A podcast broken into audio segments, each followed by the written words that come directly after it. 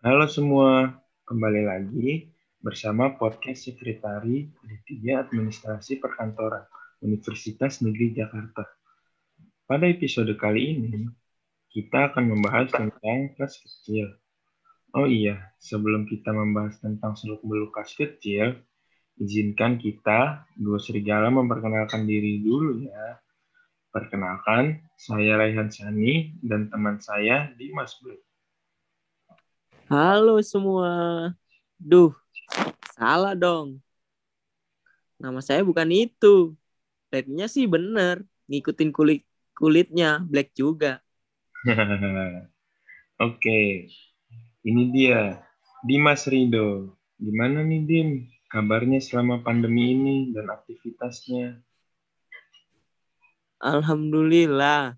Sehat dan selalu santai rebahan main game 24 jam nonstop.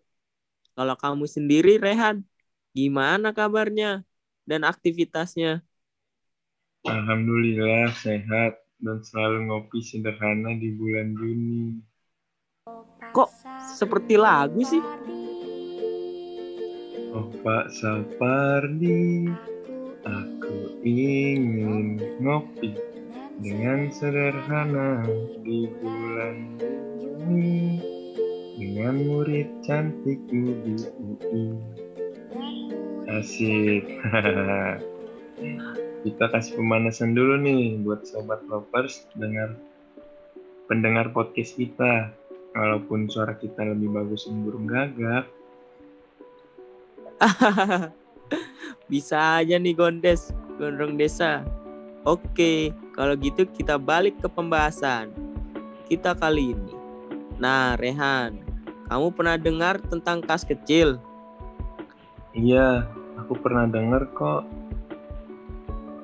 Oke, jadi kamu udah tahu dong ya kas kecil. Nah, untuk pendengar Sobat Lopers, podcast Dua Serigala, kalau kalian gimana nih? Pernah nggak dengar kas kecil? Kalau belum tahu apa itu kas kecil, yuk simak pembicaraan kita. Nah, kita mulai aja yuk pembahasannya. Aku mau nanya nih, dulu ke Rehan.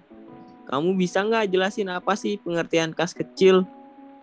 Nah, kas kecil adalah dana perusahaan khusus yang sudah disediakan oleh perusahaan untuk biaya pengeluaran operasional yang berada di perusahaan dan perusahaan harus segera membayar pengeluaran tersebut dengan jumlah yang relatif kecil dan tidak ekonomis.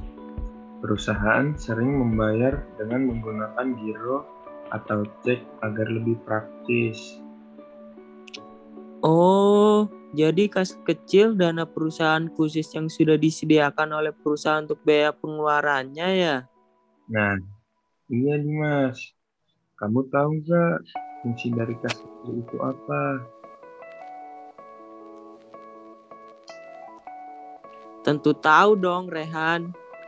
Kas kecil dalam perusahaan juga memiliki fungsi yang akan digunakan sebagai cadangan jika suatu saat nanti ada beberapa transaksi yang dimiliki nominal sedikit dan juga ekonomis jika pembayarannya dengan menggunakan cek atau giro. Oleh karena itu, setiap perusahaan membutuhkan satu orang yang akan mengolah dan bertanggung jawab dalam pengolahan kas kecil. Perusahaan yang akan membiayai semua kebutuhan operasional pada perusahaannya yang sifat nominalnya relatif kecil. Nah, betul sekali nih Mas. Kamu tahu tidak dokumen yang dibutuhkan dalam pengelolaan dana kas kecil? Ada apa aja tuh emangnya Rehan? Nah, dokumen atau bukti pemakaian kas kecil ada dua, yaitu bukti pengeluaran intern dan, intern dan dan bukti pengeluaran ekstern. Peralatan atau dokumen yang dibutuhkan pengelolaan dana kas kecil adalah yaitu yang pertama bukti kas keluar, Dokumen ini berfungsi sebagai perintah pengeluaran kas dari fungsi akuntansi kepada fungsi kas besar yang tercantum dalam dokumen tersebut. Dalam sistem dana kas kecil, dokumen dokumen ini diperlukan pada saat pengisian kembali dana kas kecil. Yang kedua ada cek. Cek adalah dokumen yang dipakai untuk memerintahkan bank melakukan pembayaran sejumlah uang pada orang atau badan yang namanya tercantum pada cek atau pembawa cek. Yang ketiga ada permintaan pengeluaran kas kecil. Dokumen ini dipakai oleh pengguna kas kecil untuk meminta sejumlah uang kepada pemegang dana kas kecil. Bagi pemegang dana kas kecil, dokumen ini berguna sebagai bukti pengeluaran. Dokumen ini akan disimpan oleh pemegang kas kecil menurut nama pengeluaran dana kas kecil. Yang keempat ada pengeluaran kas kecil, bukti pengeluaran kas kecil. Dokumen ini dibuat oleh pengguna dana kas kecil untuk mempertanggungjawabkan pemakaian dana kas kecil. Dokumen ini dilampiri dengan bukti-bukti pengeluaran kas kecil dan diserahkan oleh pengguna dana kas kecil kepada pemegang dana kas kecil. Nah, dan yang terakhir yaitu yang kelima ada pemerin permintaan pengisian kembali kas kecil. Dokumen ini dibuat oleh pemegang dana kas kecil untuk memegang meminta kepada bagian utang agar dibuatkan bukti kas keluar untuk pengisian kembali dana kas kecil. Oh, begitu ya, Rean. Makasih ya. Aku jadi menambah ilmu nih. Iya, sama-sama Dimas. Nah, kamu tahu nggak pengertian kas kecil menurut para ahli itu ada apa aja? Tentu tahu dong. Di bawah ini akan dijelaskan beberapa definisi dari pengertian kas kecil menurut beberapa ahli. Satu, menurut Soler Marso tahun 2004, pengertian kas kecil atau petty cash adalah sejumlah uang tunai tertentu yang disisikan dalam perusahaan dan digunakan untuk melayani pengeluaran-pengeluaran tertentu.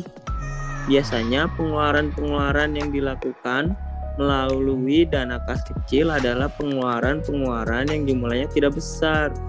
Pengeluaran-pengeluaran lain dilakukan dengan bank atau dengan cek.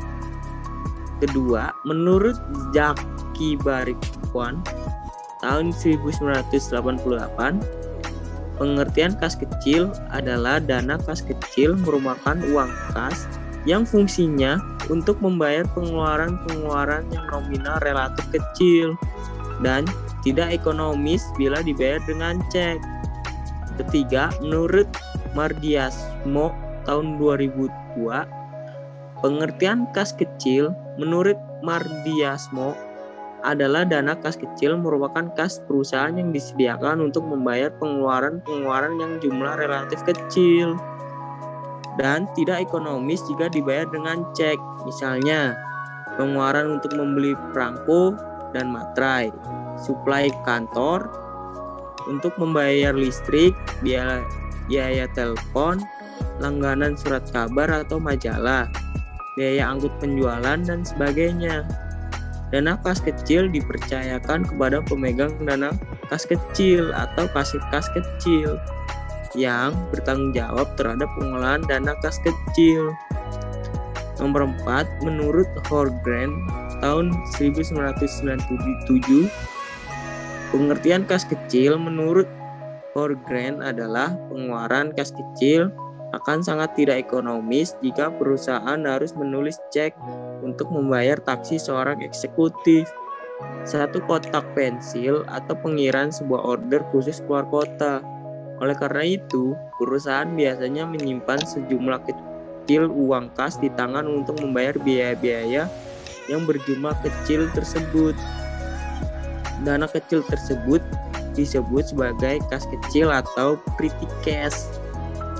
5. Menurut Kusnadi tahun 2006, menurut Kusnadi dalam bukunya Akuntansi Keuangan Menengah atau Intermediate tahun 2000, Pengertian kas kecil adalah dana yang meliputi pembayaran yang tidak menggunakan cek, melainkan menggunakan uang tunai. Nomor 6, menurut Henry Simamora, pengertian kas kecil menurut Henry Simamora adalah bukunya akuntansi basis pengambilan keputusan bisnis. Menyatakan bahwa Kas kecil adalah dana kas yang dipakai untuk membayar pengeluaran-pengeluaran yang nilainya relatif kecil. 7. Menurut Wegen, pengertian kas kecil adalah dana kas yang digunakan untuk membiayai pengeluaran dengan jumlah yang kecil dan masih dapat dikendalikan. Nomor 8. Menurut Jaki Baritwan, Pengertian cash kecil adalah uang kas yang disediakan perusahaan untuk membayar pengeluaran-pengeluaran yang jumlahnya relatif kecil dan eko tidak ekonomis apabila dibayar dengan cek. 9. Menurut Johan Arifin, pengertian kas kecil adalah dana yang disisikan oleh perusahaan untuk membiayai pengeluaran dengan jumlah yang relatif kecil. Dari penjelasan tentang kas kecil, yang sudah dipaparkan dari beberapa ahli, maka bisa disimpulkan juga bahwa pengertian kas kecil adalah dana perusahaan yang sudah dikhususkan dan sudah disediakan dari perusahaan untuk membayar biaya operasional dan perlu dilakukan pembayaran dengan jumlah yang relatif kecil sehingga tidak ekonomis jika dibayarkan dengan cek atau dengan giro. Wah, hebat sekali kamu Dimas. Bisa menjelaskan pengertian tentang kas kecil menurut para ahli. Tentu saja dong. Tapi kamu tahu tidak Rehan, apa saja metode dari pengolahan kas kecil? Tahu dong Dimas. Metode ini meliputi tahapan-tahapan pengelolaan dalam penggunaan dana yang ada sehingga pada saat laporan pengguna kas kecil diminta oleh pihak-pihak yang terkait bisa ditunjukkan dengan segera serta lengkap tanpa ada kesalahan. Nah, ada dua macam nih metode pencatatan kas kecil. Yang pertama, metode tetap atau impulse system. Metode tetap merupakan metode pembukuan kas kecil di mana rekening kas kecil jumlahnya selalu tetap. Semua pengeluaran kas terjadi, pemegang petty cash tidak serta-merta langsung mencatatnya, namun hanya sekadar mengumpulkan bukti transaksi pengeluaran ini saja. Ciri-ciri metode tetap atau Impress Fund System Bukti-bukti pemakaian dana kas kecil dikumpulkan oleh pengelola kas kecil Pengisian dana kas kecil dilakukan dengan penarikan cek yang sama jumlahnya dengan dana kas kecil yang telah dipakai sehingga jumlah dana kas kecil kembali pada jumlah yang disepakati semula. Nah, ada langkah-langkahnya juga. Langkah operasional metode tetap dana kas kecil dengan Pembentukan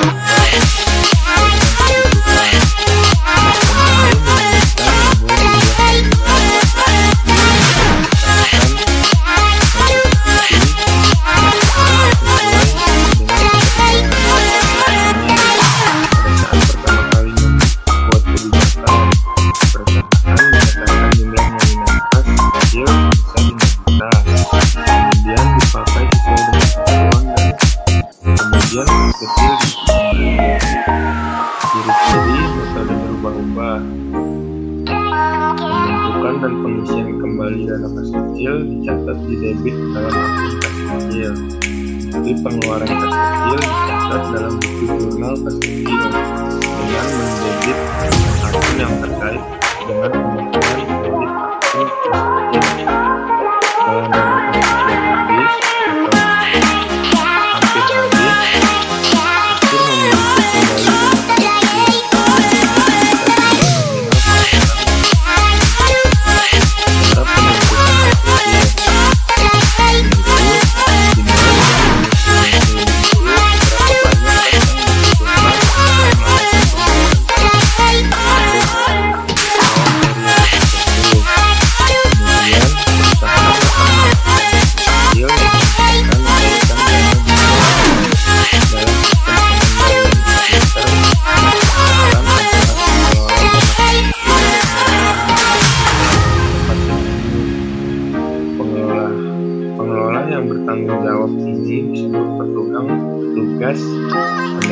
kas kecil.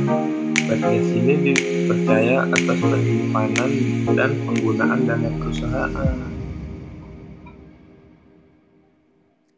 Wah, wah. Keren sekali kamu, Rehan. Bisa tahu tentang metode dalam pengolahan kas kecil. Iya dong, Dimas. Oke, teman-teman. Jadi selesai sudah pembahasan kita kali ini tentang kas kecil. Gimana sekarang? Udah tahu kan apa saja yang harus dilakukan oleh pengolah kas kecil untuk memberikan pekerjaan yang terbaik kepada tempatnya. Nah, sebelum kami pamit, kami mohon maaf kalau masih ada kesalahan tutur kata atau perbedaan pendapat mengenai materi ini. Saya Dudung. Saya Maman. Kami berdua Dudung dan Mama asal Citaman. Masih aja, Dim. Dim. Mau pamit ini kita. Oke, saya Dimas dan teman baik saya Rehan Tesani. Kita pamit, sampai berjumpa lagi pada episode lainnya di podcast Sekretari. Bye!